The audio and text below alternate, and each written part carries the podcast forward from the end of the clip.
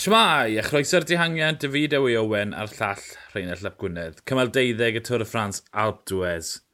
Sym eisiau mwy esbonio yna. Nôl yn y Pelton, Geraint Thomas yn cwpla gyda'r cyffylau blaen. Ond gen i ddechrau Rheinald gyda Tom Pitcock, bydd i goliaeth cyntaf yn y Tôr y Ffrans, dyna le i ennill.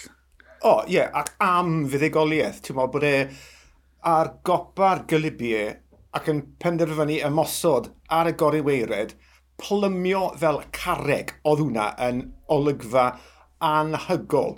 Y ffordd ath y e lawr ymuno a Chris Froome, ddim bim grisiabu chwaith yn disgyn. Y ddoi nhw wedyn ni o fewn yr 20 km nesaf yn, yn ymuno ar y telegraff gyda'r dehangiad.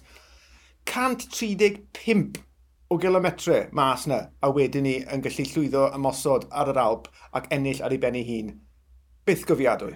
Ie, yeah, a ddyn fydd y disgynydd gorau, ond hefyd y dringwr gorau. Tw, ni wedi bod yn gofyn y cwestiwn beth, yw dyblygiad Tom Pidcock. Wel, mm. mae di enll ar Aptwes, felly ei ddyfodol e yw herio am y Chris Millen yn y blynyddoedd i ddod, dos bosib. Yn, yn benda, o beth weles i heddi, to, y ffordd, y llyfnder oedd gyda fe ar yep. Alp Dwez, mm -hmm. a'r, a'r olwg na, ar ei wyneb, oedd e jyst yn edrych fel, wel, be wedes i ar y rhaglen ni, oedd e edrych fel tasau fe ar ei wreid ddydd syl bo, oedd na ddim stres yr ei wyneb, nath e fydd sgyrnygu unwaith. Oedd e, fel tas fe yn beicio oedd i fewn i hun, ond dal agor y bwlch i uh, Louis Menkes ac i Chris Froome, gar bach am Froome, mm -hmm. lyflu gweld e'n yep. gorffen yn drydydd. Bydde fe yn hapus am hwnna o styried le mae wedi bod dros y tair mlynedd diwetha yma.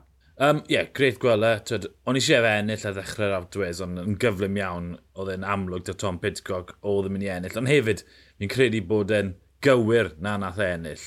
Mm -hmm. Tyd, Chris Froome, ddim yr un Chris Froome, faint bynnag mae bobl yn tre gweud, tyd, o, oh, mae fe... To, o'n i'n gweld pobl ar Twitter, o, oh, mae fe nôl... Na, dyw e ddim. Na, tyd, na. Froome oedd y gorau, felly to, mae'n rhyfeddo bod wedi dod nôl i lefel hyn, a cwpl yn drydydd ar Aptwes yn ganlyniad perffaith fi'n credu i'r sefyllfa.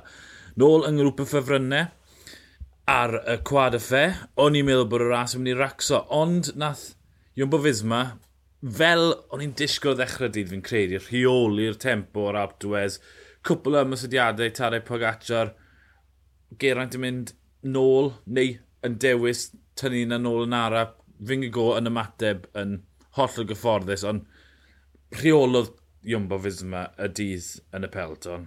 Ie, yeah, ar ôl ddo dim syndod, tiwod, warae ddim mas yn union fel nes i ddisgwyl, bwrw'r tempo caled na, ala Sky, uh, atal uh, unrhyw ymosodiadau, ond oedd bydden ni ddim yn credu bydde Podgatiar wedi ymosod ar cwad y ffer beth bynnag, oedd e gyd yn mynd i wario mas ar yr Alpe d'Huez.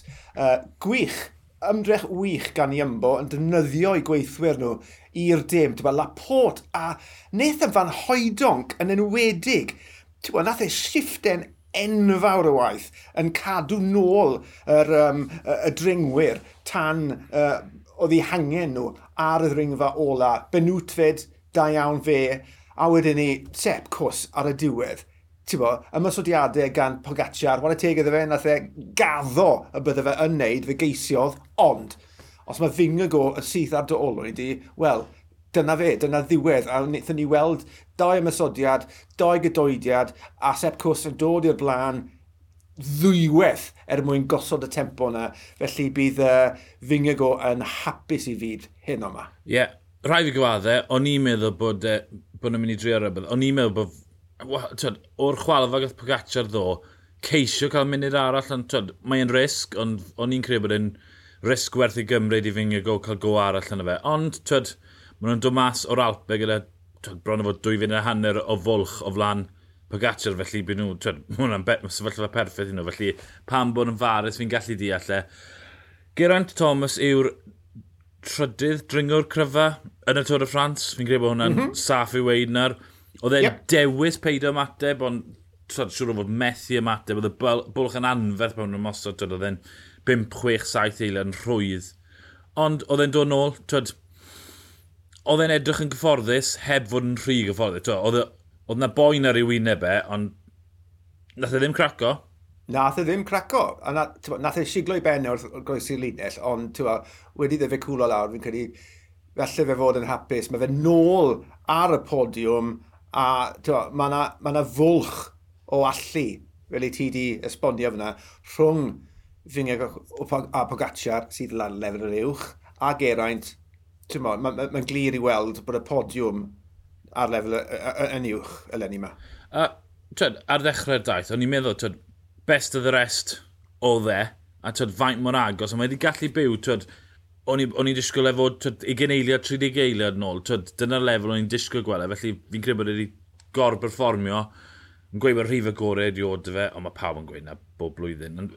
Mae, mae yn, yn y siap cywir, boi, os bydde fe'n 10 mlynedd yn fancach, fi'n credu bydde'n cystadlu dyn nhw, ond mae'n 36, mae'n 36 a mae'r gweddill yn 26 a 23.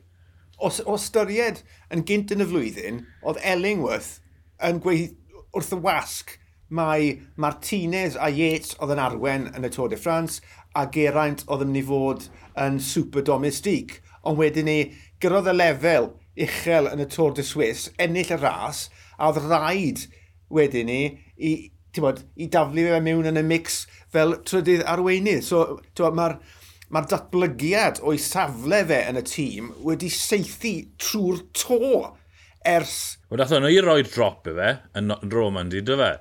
Ar ôl performio Roman di, ni'n gweud, wel, dim ffordd mae'n mynd i arwen ar ôl hwnna.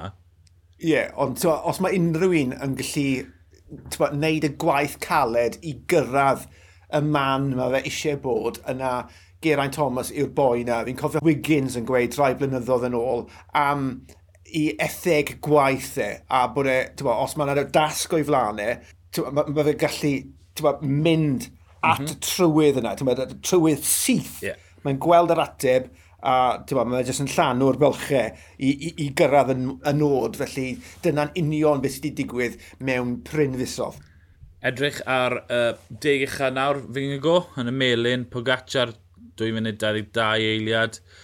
Geraint 2 funud 26 eiliad. Bardei wedi cwmpo 2 safle 2 funud 35 eiliad. Yna mae'r bylch yn agor. 3 44 i Yates sy'n mynd i fod yn bwysig yn y Pyrenia os mae unios am geisio targedu gwella safle nhw. Cintana 3 munud 58, Godw 4 munud 7, wedyn mae Bylch yn agor, Pidcock lan i'r wythfed safle 7 munud 39, Mas 9 munud 32, Vlasov 10 munud a chwech eiliad. Felly, twyd, mae... Dyw, dyw ras yn mae'r ben, mae'r bwlch i, o, or cyntaf i'r ail yn anferth, mae'r wedyn mae'r bwlch i, twyd, y pumed yn fwy, a wedyn mae'r, twyd, ti lawr i, gweud y gwir, dau enw i ennill, tri enw falle outsiders, a wedyn mae'r gweddill mas ohoni bron o fod, ynddo fe? Bydden ni'n cytuno â hynny. Wel, ni mas o'r bryniau mae'r mynyddodd fori yn croesi dyffryn rhôn. Mae'n ychydig y wynt, ond dwi e ddim yn disgo fel bod e'n mynd i fod yn ddigon. Dwi'n ame, taw diwrnod tawel, diwrnod i'r dihangiad mwy na thebyg. Ond byddwn ni'n ôl i drafod be bynnag sy'n digwydd wedi'r cymal. Ond fi Dewi Owen a llall Rhain Allap Gwynedd, ni yw'r dihangiad, hwyl.